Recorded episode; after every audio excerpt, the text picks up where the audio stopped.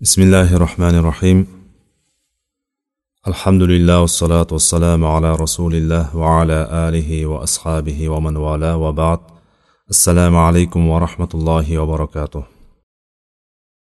alloh taologa hamdlar bo'lsin mana bugun yana suhbatimizda bir oraga kelib turibmiz alloh taolo bu suhbatimizni barakotli manfaatli darslardan suhbatlardan qilsin biz aqidadan e, vajiz kitobini o'qib chiqayotgandik zaruriy ta'riflar haqida so'zimizda davom etayotgandik.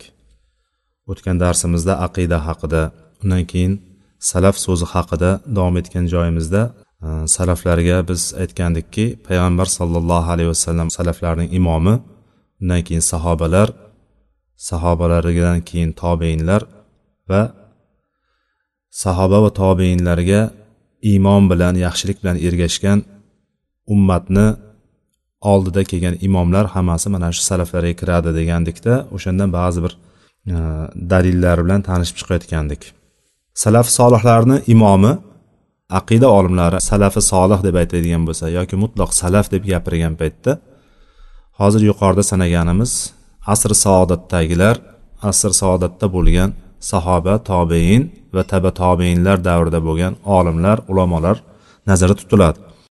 O'shalarning imomi payg'ambarimiz muhammad sollallohu alayhi vasallamdir alloh taolo aytadiki muhammadur rasululloh والذين معه أشداء على الكفار رحماء بينهم تراهم ركعا سجدا يبتغون فضلا من الله ورضوانا سيماهم في وجوههم من أثر السجود ذلك مثلهم في التوراة ومثلهم في الإنجيل كزرع أخرج شطأه فآزره فاستغلظ فاستوى على سوقه يعجب الزراع ليغيظ بهم الكفار وعد الله الذين آمنوا وعملوا الصالحات منهم مغفرة وأجرا عظيما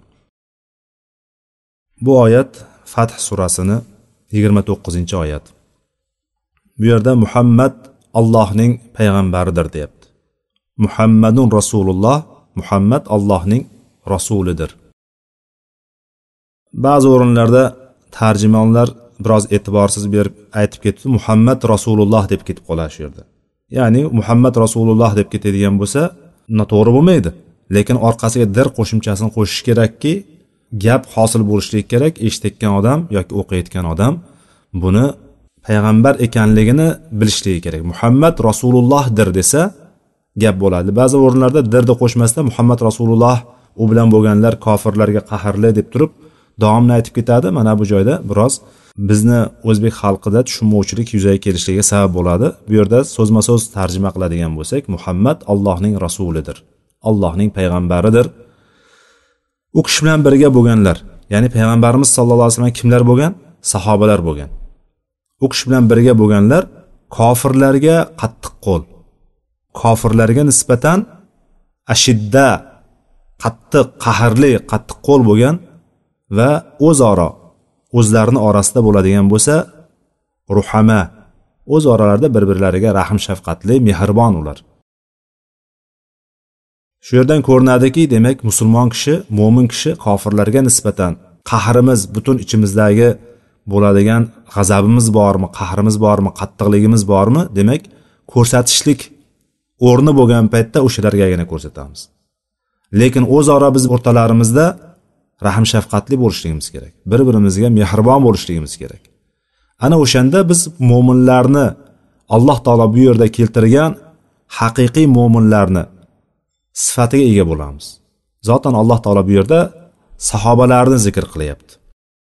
Salaflarimizni sifatlari haqida keyingi darslarda salaf solihlarni ahli sunna val jamoani o'ziga xos xususiyatlari haqida gapirganimizda bularga yana alohida to'xtaymiz lekin hozir bu yerda qisqacha Э, bir tartibga solib ketadigan bo'lsak qolipga solib ketadigan bo'lsak mo'min kishi qanday sifatga ega bo'lishligi kerak ekan?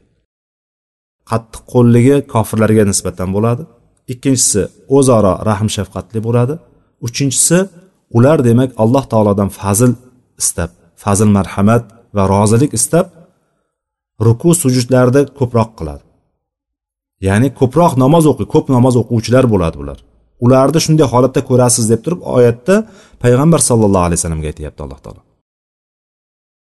Tarohim rukkan sujjadan yabtag'una fadlan minallohi va ridwana. Allohdan fazl marhamat va rozilik istab ruku va sajda qilayotgan holatda ko'rasiz ularni deb. Va ularning yuzlarida sajda izidan qolgan belgi alomatlar bo'ladi. Simahum fi vujuhihim min asaris sujud. Sajdadan qolgan ya'ni bu yerda e'tibor beraylik fi vujuhihim deyapti. Vujuh degani vajhni ko'pligi ya'ni yuz degan arabchadagi so'z vajh bo'ladigan bo'lsa vujuh bo'lsa yuzlar degan. Demak ularni yuzlarida bo'ladi peshonalarida emas. Ya'ni ba'zilar demak biz peshonamizda qora iz ko'rmaydigan bo'lsak demak bizni yuzimizda sajda izi ko'rinmayapti ekan degan noto'g'ri tushunchaga borib qolmaslik kerakki bu peshonasiga qoraz tushib qolayotganlar issiq o'lkalarda qumga sajda qilganligidan birinchi sabab bo'ladigan bo'lsa ikkinchi sabab shiyalarni ba'zi bir odatlari borki yonida tosh ko'tarib yuradi. O'sha toshi toshini izi bo'lishi mumkin. Ya'ni bu ham ehtimol ya'ni agar isigan bo'lsa yo bo'lmasam cho'ntagida olib yursa ham u ham issiq bo'lmaydi odatda. Bu peshonada iz qolishligini sababi ko'proq mana shu issiq o'lkalarda issiq joylarga sajda qilganligidan o'sha kuyishning natijasida qorayib qoladi. Bu yerdagi oyatdagi ularning yuzlarida sajda izidan qolgan alomatlar belgilar bo'ladi degan oyatda asar bo'ladi o'sha asar degani iz degani. Allohga sajda qiluvchi allohga ibodat qiluvchi kishi yuziga qaraydigan bo'lsangiz yuzida iliqlik topasiz. Ya'ni yuziga qaraganingizda yuzi issiq bo'ladi. Istarasi issiq deymizku istarasi issiq bo'ladi istarali bo'ladi. Mana shu narsa alloh alam bu yerda nazarda tutilyapti. Va ularning misoli mana demak mana shuncha sifatlar sanaldi. Mana shu to'rtta yoki beshta sifatlar mo'minlarni haqiqiy sifatlari sanaldi. Undan keyin bularda aytyaptiki mana shularni misoli ya'ni o'sha mana shu holatlar yuqoridagi zikr qilingan narsalar tavrotda kelgan buni misollari. Tavrotdayu injilda bularni misollari kelgan. Masaluhum fit tavroti va masaluhum fil injil. Bularni misoli tavrotda ham injilda ham kelgan deb turib aytyapti va bularni holatini alloh taolo shunga o'xshatyaptiki bularni misoli tavrotda ham kelgan va injilda ham kelgan. Xuddi bir shoh chiqargan va shoh o'simlikni misol qilib keltiryapti. O'simlikni ziroat e, daladagi o'simliklarni oladigan bo'lsak o'shalarda bir shoh chiqargan. Keyin u shoh chiqargandan keyin quvvatga kiradi. Quvvatga kirib yo'g'onlashadi va novdasida tik turadi. Ya'ni bir narsa eksangiz urug' ekadigan bo'lsangiz unib chiqadi o'sha. Unib chiqqandan keyin ko'zingizni yonida kattaradi quvvatga kiradi yo'g'onlashadi va navdalarini o'zi ko'tarib turadi. Va dehqonlar buni ko'rib turib lol qoladigan bir o'simlikka o'xshaydi. Ya'ni buni yuqoridagi holat mana shunga o'xshatilyapti. Tavrot va injilda keladi bularni misoli deganda injildagi misoli xuddi mana shunga o'xshaydi deyapti. Mo'minlarni holati mana shunga o'xshaydi. Yerdan ko'karib chiqib dehqonlarni lol qoldirgan shu sababli kofirlarni xafa qilishlik uchun alloh taolo mana shuni misolini keltiradi. Kuffar kofirlar buni ko'rib turib musulmonlardagi oldinga siljishlik rivojlanish taraqqiyotni musulmonlardagi allohga bo'lgan yaqinlikni ular ko'rgan sari ichlari kuyib yonib ketaveradi. Ularni xafa qiladi.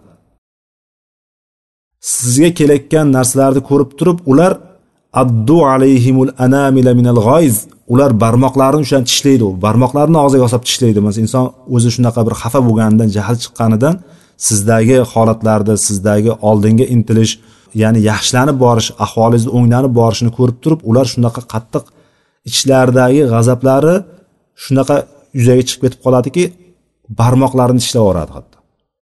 Mana shuni keltiryapti bu yerda. Va alloh taolo iymon keltirgan va amali solih yaxshi amallarni qilgan zotlarga insonlarga alloh taolo mag'firat va ulug' ajr mukofot va'da qilyapti. Mana shu oyat birinchi oyat. Demak bundan ko'ryapmizki payg'ambarimiz sollallohu alayhi vasallamni allohning rasuli ekanligini aytib turib u kishini yonida bo'lganlarni sifatini keltiryapti. Bundan ko'ramizki o'sha payg'ambarimiz yonidagi kishilar o'z o'zidan shunday bo'lib qoldimi? Yo'q. Ular payg'ambarimiz sollallohu alayhi vasallamdan o'rnak oldilar. U kishini tarbiyasini oldilar. U kishini madrasasida yetishdilar.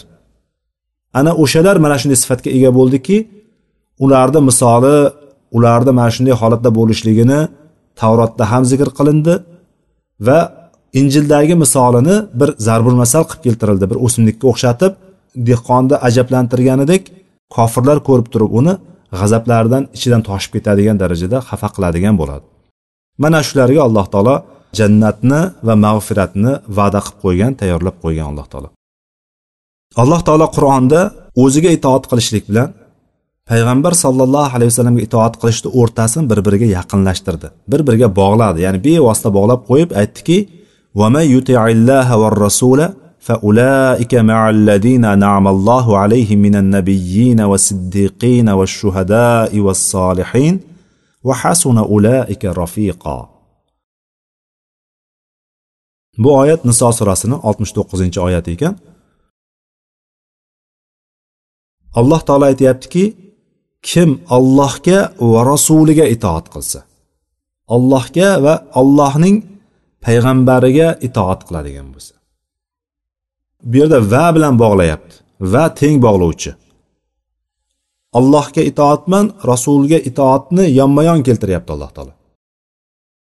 Kimda kim allohga va payg'ambarga itoat qiladigan bo'lsa ana o'shalar shunday holatda deb turib ularni olloh inom qilgan ne'matlantirilgan ne'matiga sazovor bo'lgan zotlar deb turib ular kimlar ekan? Payg'ambarlar siddiqlar shahidlar va solihlar bilan birga bo'ladi deyapti ana o'shalar eng yaxshi hamrohlardir. Biz oyatda fotiha surasini o'qiganimizda har doim ihdina sirotol mustaqim sirotol ladina an'amta alayhim deymiz an'amta alayhim. Ya'ni ihdina sirotol mustaqim allohni yuqorida ollohni maqtaganimizdan keyin butun sifatlarni aytganimizdan keyin senga ibodat qilamiz sendan madad yordam so'raymiz. Deb aytgandan keyin orqasidan yana duo qilyapmizki bizni sirotol mustaqim mustaqim yo'lingga hidoyatlab qo'y. U yo'l shunday bir yo'lki ladina an'amta alayhim. Sen ularga inom qilib bergan yo'ldir. Ya'ni sen ularga inom qilib bergan yo'l deganimizdan ladina an'amta alayhim. Sen inom qilib bergan sen ularga ne'mat qilib bergan yo'l deb aytganimizda ular kimlar? deganda mana shu oyat o'shani tafsir qiladi. Olloh ne'mat qilib bergan yo'l to'g'ri yo'l o'sha yo'lda bo'lgan kishilar payg'ambarlar siddiqlar shahidlar va solihlar. Mana shular bilan birga bo'ladi deyapti. Biz ham fotiha surasini o'qib har doim namozda o'qiganimizda demak mana shular bilan birga bo'lishligini so'raymiz. Mana shularni yo'lida bo'lishligini Allohdan so'raymiz. Demak bu yerda hozir bizga payg'ambarimizni salaflarning imomi ekanligiga dalolat qiluvchi oyatlarni keltiryapti. Muallif mana shu oyat buyurdi. Undan keyin payg'ambarga itoat qilishlikni o'ziga itoat qilishlik qilib qo'ydi. Aytdiki alloh taolo man yuti'ir rasula faqat ata'alloh va man tavalla fama arsalnaka alayhim hafizo kim payg'ambarga itoat etsa faqat bas. Demak u allohga itoat etibdi. Kim payg'ambarga itoat etsa allohga itoat etibdi. Demak payg'ambarga itoat etgan kishi payg'ambar sollallohu alayhi vasallamni sunnatlarini qilgan kishi u kishini aytgan gaplarini qilgan kishi qaytargan narsadan qaytgan kishi allohga itoat qilganday bo'ladi. Kim yuz o'giradigan bo'lsa sizga buni hech qanaqa zarar tegmaydi deyapti alloh taolo. Kim yuz o'giradi faman tavalla kim yuz o'giradigan bo'lsa bas biz sizni ularning ustiga qo'riqchi qilib yuborganimiz yo'q deyapti. Ya'ni siz doim kuzatib ularni ustida yurolmaysiz. Kim yuz o'girsa o'zlariga zarar qiladi. Sizga emas deydi. Kim yuz o'girgan bo'lsa itoatsizlik qiladigan bo'lsa osiylik qiladigan bo'lsa allohga osiylik qilgan bo'ladi. Uni jazosini o'zi ko'raveradi.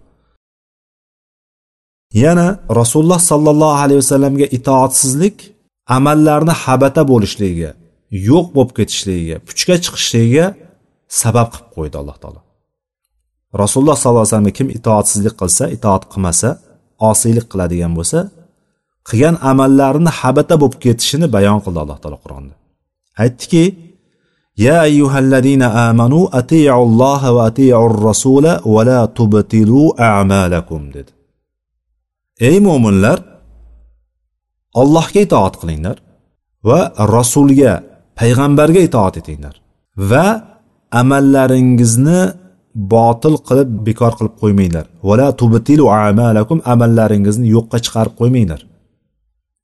Ya'ni itoatsizlik qilib amallaringni bekorga ketkazib qo'ymanglar dedi alloh taolo. Muhammad surasini o'ttiz uchinchi oyati bu. Bundan ko'ramizki demak allohga va rasuliga itoat qilishlik shart vojib shuningdek yana payg'ambarimiz sollallohu alayhi vasallamni ishlariga muxolif bo'lishlikni xilof ish qilishlikdan bizni qaytardi alloh taolo va shunday dedi ومن يعص الله ورسوله ويتعد حدوده يدخله نارا خالدا فيها وله عذاب مهين dedi bu niso surasini o'n to'rtinchi oyati ekan kim allohga va uning payg'ambariga itoatsizlik qilsa va yataadda hududahu va alloh taoloni belgilab qo'ygan hadlardan oshsa hadlaridan chiqsa alloh taoloni hududlari bor belgilab qo'ygan had deganimiz belgilab qo'yilgan e, me'yorlar bor. O'sha me'yorlardan o'tib ketadigan bo'lsa o'shanga tajovuz qiladigan bo'lsa alloh taolo uni unda abadiy qoladigan do'zaxga kiritadi deyapti valahu adabu muhin. U yerda uni xor qiluvchi qattiq azob bordir. Bu yerda demak alloh taologa va rasuliga itoatsizlik qilganda holati nima bo'lishligini alloh taolo mana shunday qildi. Ya'ni payg'ambarimizga itoatsizlik qilishlikda oqibati nima bo'lishligini u kishiga muxolif bo'lishlikda oqibati nima bo'lishligini alloh taolo mana shu o'rinda bayon qildi. Payg'ambarimiz sallallohu alayhi vasallam nimaga buyurgan bo'lsa o'shani olishlik nimadan qaytargan bo'lsa o'shandan uzoq turishlikka alloh taolo bizni buyurdi alloh taolo aytdiki وما آتاكم الرسول فخذوه وما نهاكم عنه فانتهوا واتقوا الله إن الله شديد العقاب payg'ambar sizlarga nimani olib kelgan bo'lsa nimani keltirgan bo'lsa o'sha narsani olinglar nimadan qaytargan bo'lsa o'sha narsadan qaytinglar va allohdan qo'rqinglar Albatta olloh iqobi ya'ni jazosi qattiq bo'lgan zotdir. Ya'ni bu yerdan ko'rinadiki demak payg'ambar sallallohu alayhi vasallam bergan narsani olib kelgan narsani olmagan qaytargan narsadan qaytmagan kishi uchun alloh taoloni o'ch olishligi bor degani bu yerdan ko'rinadi. Alloh taoloni o'ch olishligi alloh taoloni jazosi esa qattiqdir. Innalloha shadidul iqob. Va alloh taolo yana har bir narsada har bir ishimizda hayotimizdagi dinimizdagi har bir ishimizda payg'ambar sollallohu alayhi vasallamni hokim qilishligimiz ya'ni payg'ambar sollallohu alayhi vasallamni hakam qilishligimiz o'rtamizda hukm chiqarib beruvchi qilishligimizni va u kishini hukmiga va ishlariga sunnatlariga qaytishligimizni alloh taolo bizga buyurdi. Va aytdiki fala va robbika la yu'minuna hatta yuhakkimuka fima shajara baynahum summa la yajidu fi anfusihim harajan mimma qadayta va yusallimu taslima dedi. Yo'q robbingizga qasam ular haqiqiy mo'min bo'la olmaydilar. Qachongacha? Hatto o'rtalarida chiqib qolgan kelishmovchiliklarda sizni hakam qilmagunicha. Va keyin siz chiqargan hukmdan dillarda hech bir hech qanaqa bir tanglik haraj qolmasdan to'la to'kis taslim bo'lmagunlaricha ular mo'min bo'la olmaydi dedi alloh taolo. Qasam bilan aytyapti fala va robbika robbingizga qasam deb turib alloh taolo qasam bilan aytyapti. Demak agar biz o'rtamizda bir kelishmovchilik chiqib qoladigan bo'lsa rasululloh sollallohu alayhi vasallam olib kelgan narsa bilan hukm qilolmaydigan bo'lsak u kishini aytgan gaplarida to'xtalmaydigan bo'lsak nafsimizga ergashib nafsimiz g'olib kelib qoladigan bo'lsa bilaylikki qalbimizdagi iymonimiz hali mukammal emas. Yoki payg'ambar sollallohu alayhi vasallam chiqargan hukmga eshitdikda qabul qildik lekin qalbimizda norozilik bor. Qalbimizda taskin topmadi o'sha hukmdan. Qalbimizda bir haraj qoldi ya'ni o'sha yerda tanglik qoldi. Nimadir yetishmayotganday ichimizdan rozi bo'lmayotganday bo'lib qolayotgan bo'lsak bu yerda ham demak iymonimiz hali mukammal bo'lmagan bo'ladi. Chunki oyatda ikkita shart qo'yilyapti. Birinchi sharti kelishmovchilik. O'rtada bir kelishmovchilik yuzaga kelib qolgan paytda payg'ambarimizni hakam qilamiz birinchi hukm chiqaruvchi qilamiz. Va chiqargan hukmga qalbimizda hech narsa qolmasdan to'liq taslim bo'lishimiz kerak. Mana shu ikkita shart bor. Shu ikkita shartdan bittasi tushib qoladigan bo'lsa ham demak bizni iymonimizda xalal bor. Iymonimizda bir narsa bir to'siq bor. Iymonimizni mukammal bo'lishini to'sib turadigan bir to'siq bor. O'sha to'siqni biz olib tashlashimiz kerak. O'sha to'siqni olib tashlashimiz kerak yoki buzib tashlashimiz kerak. Ana o'shanda bizni iymonimiz mukammal bo'ladi. Ya'ni birinchi hukm talab qilib turib qur'on va sunnatga qaytamiz. Ya'ni payg'ambarimiz olib kelgan narsaga qaytamiz. Albatta buni olimlarimiz qilib beradi. Olimlarimiz bu hukm chiqarib bergandan keyin o'sha yerda ichimizda bir narsa qolib ketib turib majburligimizdan olib ketishlik emas qalbimizda hech qanday xaraj qolmasdan qalbimizdagi g'ilg'ashni tashqariga chiqarib otishimiz kerakda to'liq taslim bo'lib o'sha hukm nima bo'lsa o'zimiz jonimizga bo'ladigan bo'lsa na mol mulkimizga bo'ladigan bo'lsa ham zararimiz mol mulkimiz zarari jonimiz zarari farzandimizni ota onamizni eng yaqin odamlarimiz zarariga bo'ladigan bo'lsa ham biz to'la to'kis taslim bo'lmagunimizcha iymonimiz mukammal bo'lmay turaveradi. Iymonimizni mukammal bo'lishligi mana shunga bog'liq. Va payg'ambar sallallohu alayhi vasallamni alloh taolo u kishidan o'rnak olinadigan chiroyli namuna ekanligini u kishiga ergashishlikni va iqtido qilishlikni vojib ekanligini alloh taolo bizga aytdi. Aytdiki لقد كان لكم في رسول الله أسوة حسنة لمن كان يرجو الله واليوم الآخر وذكر الله كثيرا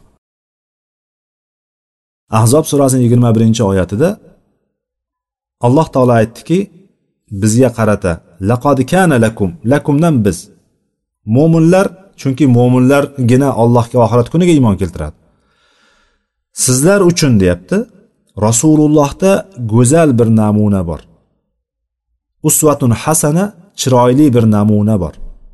O'rnak bor. Payg'ambar sallallohu alayhi vasallamdan oladigan o'rnaklarimiz bor. Hayot tarzi e'tiqod ilm ibodat hamma narsada. Go'zal namuna bor lekin kimlar ola oladi bu namunani? Kimlar bu o'rnakni ola oladi? Kimlar sunnatga mukammal ergasha oladi? Ham zohiran ham botinan. Faqatgina zohiriy ko'rinishdagi sunnatlarni emas. Bu yerdagi sunnat deganimizda e'tiqod ilm din hammasi kirib ketadi. Payg'ambar sallallohu alayhi vasallam sunnatlari degan paytimizda hamma tomoni kirib ketadi. O'shanga kim loyiq bo'ladi kim o'shandan namuna ola oladi o'rnak ola oladi birinchisi allohga iymon keltirishlik. Ya'ni ollohdan umidi bo'lgan bo'lishligi kerak. Ollohdan umidvor degani allohga iymoni komil degani. Oxirat kunidan umidvor degani oxirat kuniga iymon keltirishlik degani. Ko'p odam mana shu yerda toyib ketib qoladi. Oxiratga iymon degan joyida toyib ketib qoladi. Juda ko'p o'rinlarda oyatlarda hadislarda qaraydigan bo'lsak allohga va oxirat kuniga iymon deb keltiriladi. Allohga va payg'ambarlariga iymon deb keltirilmaydi. Yoki allohga va kitoblariga yoki allohga va farishtalariga iymon deb keltirilmaydi. Aksariyat o'rinlarda allohga va oxirat kuniga iymon deydi. Chunki allohga iymon qanchalik shart bo'ladigan birinchi shart bo'ladigan bo'lsa mo'minlikda ko'p odam inkor qilib yuborganligi ko'p odam ishona olmaganligi ko'p odam o'ziga sig'dira olmaganligi ikkinchi tarafi oxirat kuni bo'ladi. Shuning uchun har kimni ham oxiratdan umidi bo'lavermaydi. Demak birinchisi allohga ikkinchisi oxirat kunida umidvor bo'lgan va allohni ko'p yod qilgan allohni ko'p zikr qilgan allohni doimiy eslab yurgan odamlardagi odamlargagina payg'ambar sallallohu alayhi vasallam sunnatlari manfaat beradi. O'shanda o'rnak bo'la oladi. O'shandan o'rnak ola oladi demak. Qolgan insonlar. Xuddi oyatda ham alif lam mim zalikal kitabu la royba fi hudallil muttaqin deydi alloh taolo. Baqara surasi birinchi ikkinchi sura ya'ni qur'onni boshidagi ikkinchi sura. Bu kitob hech qanday bir shak shubha bo'lmagan kitob degandan keyin alloh taolo orqasidan hudallil muttaqin deydi. Muttaqinlargagina hidoyat bo'ladi. Muttaqinlarnigina qo'lidan yetalab to'g'ri yo'lga olib borib qo'ya oladi qur'on. Muttaqin bo'lishlik kerak uning uchun. Demak qur'on bizga manfaat berishligi uchun muttaqin bo'lishligimiz kerak. Taqvo sifatiga ega bo'lishligimiz kerak. Bu yerda ham xuddi shunday payg'ambarimizdan go'zal o'rnak olaman deydigan kishi olloh va oxirat kunidan umidvor bo'lgan bo'lishligi kerak va allohni ko'p zikr qiladigan ko'p yod qiladigan allohni unutmaydigan kishi bo'lishligi kerak. Alloh taolo o'zini roziligini payg'ambar sallallohu alayhi vasallamni roziligiga bog'ladi. Yonma yon keltirdi ikkalasini. Ya'ni aytdiki vallohu va rasuluhu ahaqqu an yurduhu in kanu mu'minin. Tavba surasi bu oltmish ikkinchi oyatda. Agar mo'min bo'lganlarida edi olloh va uning payg'ambarini rozi qilishliklari loyiqroq edi deyapti. Ahaqqu yurduhu haqliroq edi. Ya'ni o'sha olloh va rasulini rozi qilishlik. Boshqalarni emas odamlarni emas kim boshqa kim kimlarni emas ollohni va rasulini rozi qilishlik haq. Hamma narsadan ko'ra ustunroq edi. Hamma narsadan ko'ra munosibroq ish bo'lardi. Agar mo'min bo'lganlarida deyapti. Demak mo'min bo'ladigan bo'lsak birinchi o'ringa ikkita ishni o'rtasida qolgan paytimizda bir tarafda shariat turibdi. Qur'on va sunnat turibdi. Ikkinchi tarafda odamlar turibdi qarindosh urug'imiz turibdi bola chaqamiz turibdi ota onamiz turibdi. Mana shu o'rin ikkita narsani bittasini tanlashlik turgan paytda dunyo va din turgan paytda biz olloh va rasulini rozi qiladigan narsani tanlashlik biz uchun eng haqli bo'lgan narsadir. Haq degani eng haqli bo'lgan narsa eng loyiq bo'lgan narsa. Mana shudir. va alloh taolo rasululloh sollallohu alayhi vasallamga ergashishlikni o'ziga bo'lgan muhabbatni belgisi qilib qo'ydi alomati qilib qo'ydi. Ya'ni bu imtihon oyati qul in kuntum tuhibbunalloha fattabi'uni yuhibbukumulloh va yaghfir lakum zunubakum vallohu g'afurur rahim. Qul ati'ulloha va rasul fa in tawallaw fa innalloha la yuhibbul kafirin. Oli imron surasini o'ttiz bir o'ttiz ikkinchi oyatlar. Bu yerda alloh taolo aytdiki payg'ambarimizga xitob qilib aytdiki ayting agar sizlar ollohni yaxshi ko'rsangizlar ollohni yaxshi ko'raman deydigan bo'lsalaringizlar bunaqa qilib tarjima qiladigan bo'lsak agar ollohni yaxshi ko'raman deydigan bo'lsalaring menga ergashinglar. Ana o'shanda alloh taolo sizlarni yaxshi ko'radi. Va gunohlaringizni kechiradi. Mana shu o'rinda ollohni yaxshi ko'raman men ollohni mag'firatini istayman olloh meni kechirishligini xohlayman jannatiga dohil qilishligini xohlayman. Qalbimda olloh manerimizda bor qalbimda mana ko'ksimda. Biz ham musulmonmiz manerimizda bor manering toza bo'lsa bo'ldi deb turib ko'kragiga ishora qilayotganlarga aytamizki alloh taolo aytyaptiki imtihon oyatini qo'yyaptiki allohni yaxshi ko'raman degan davoing bo'ladigan bo'lsa payg'ambarga ergashishliging kerak. Payg'ambar nimani olib keldi? Sallallohu alayhi vasallam. U kishi nimani olib kelgan bo'lsa o'sha narsaga ergashmaguningcha olloh seni yaxshi ko'rmaydi. Sen million marta aytmaysan ham yaxshi ko'raman deb turib. Har qancha davo qilib turib odamlar bilan shuni ustida jang qilmaysanmi? Farqi yo'q. Bittagina sharti bor boshqa sharti yo'q. Alloh taoloni bizni yaxshi ko'rishligimizni bitta sharti bor.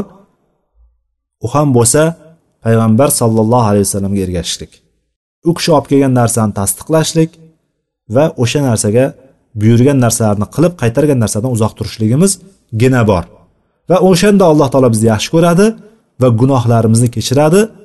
Alloh taolo gunohlarni ko'p kechiruvchi g'ofur bo'lgan va juda marhamati keng bo'lgan rahmli zotdir. Va alloh taolo aytyapti keyingi oyatda ayting ularga atiulloha va rasul allohga va payg'ambarga ergashinglar.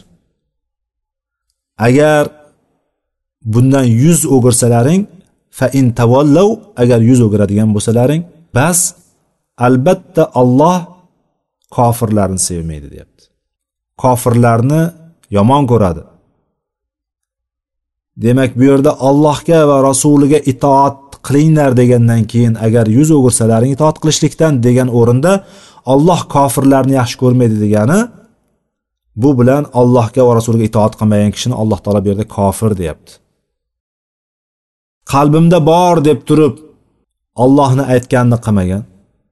Qalbimda bor manerimda bor madang toza bo'lsa bo'ldi deb turib rasululloh sollallohu alayhi vasallamga ergashmagan kishilarni ahvolini alloh taolo bu yerda op ochiq qilib bayon qilib qo'yyapti.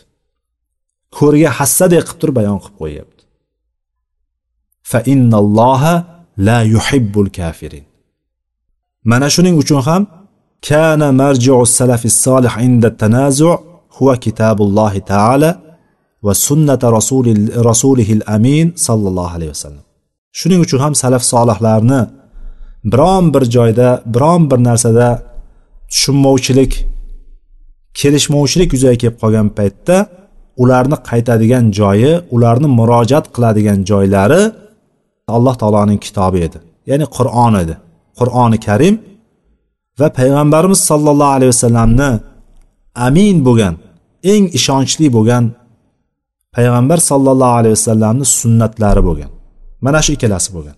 Qayerda bir narsada kelishmay qoladigan bo'lsa o'rtada bir nizo chiqib qoladigan bo'lsa ana o'shanda murojaat qiladigan narsa salaf solihlarni yo'li qur'on va sunnat bo'lgan. Alloh taolo aytadiki ya ayyuhalladina amanu atiulloha va atiur rasula va ulil amri minkum fa in tanaza'tum fi shay'in farudduhu ila allohi va rasul in kuntum tu'minuna billahi wal yawmil akhir zalika khayrun va ahsanu ta'vila dedi. Niso surasini ellik to'qqizinchi oyat. Mo'minlarga qarab bizga qarab xitob qilyapti alloh taolo. Iymonimizni o'rtaga qo'yib xitob qilyapti. Ey iymon keltirganlar deyapti. Ey iymonni davo qilayotganlar deyapti bizga qarab. Allohga itoat qilinglar va payg'ambarga itoat qilinglar va o'zlaringizdan bo'lgan ish boshlariga ya'ni hokimlarga voliylarga amirlarga itoat qilinglar.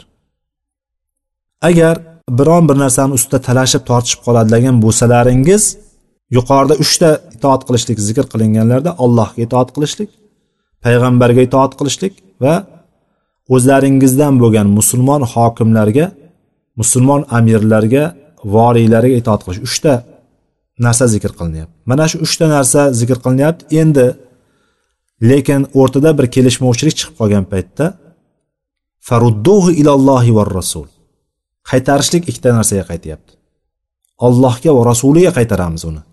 Ishni o'sha tortashib nimada tortishib qoladigan bo'lsak nimani ustida kelishmovchilik bo'lib qoladigan bo'lsa o'sha ishni olloh va rasuliga olib boramiz. Qaytaramiz o'shani. Ya'ni qur'on va sunnatga qaytaramiz qur'on va sunnatdan izlaymiz uni yechimini. Sharti nima? In kuntum tu'minuna billahi val yawmil axir ollohga va oxirat kuniga iymoningiz bo'lsa deyapti. Allohga va oxirat kuniga iymon keltirgan bo'lsalaring allohga va rasuliga qaytaringlar bu narsani. Kelishmovchilik chiqib qolgan talashib tortishib qolgan narsalaringizni hukmini olloh va rasuliga qaytaringlar. Mana shu narsa zalika xoyrun va ahsanu tavila mana shu narsa eng yaxshi va eng chiroyli yechimdir bu yerdagi xoyr axyar ma'nosida ya'ni o'tgan safar ham aytgandim. Zalika xoyrun ay axyaru eng yaxshi va eng chiroyli yechim mana shu narsadir. Biz hozir bugun faqatgina shu bilan tanishlikka vaqtimiz yetarli bo'ldi. Vaqtimiz shungagina cheklandi ya'ni payg'ambarimiz sollallohu alayhi vasallamni salaf solihlarni imomi ekanligiga qur'ondan dalillar bilan tanishgan bo'ldik inshaalloh keyingi darsimizdan davomini ya'ni undan keyin sahobalar tobeinlar haqidagi e, muallif hafizahullohni keltirgan dalillari bilan va keyingi zaruriy ta'riflar bilan tanishamiz va axiru davana anilhamdulillahi robbil alamin سبحانك اللهم بحمدك أشهد أن لا إله إلا أنت أستغفرك وأتوب إليك والسلام عليكم ورحمة الله وبركاته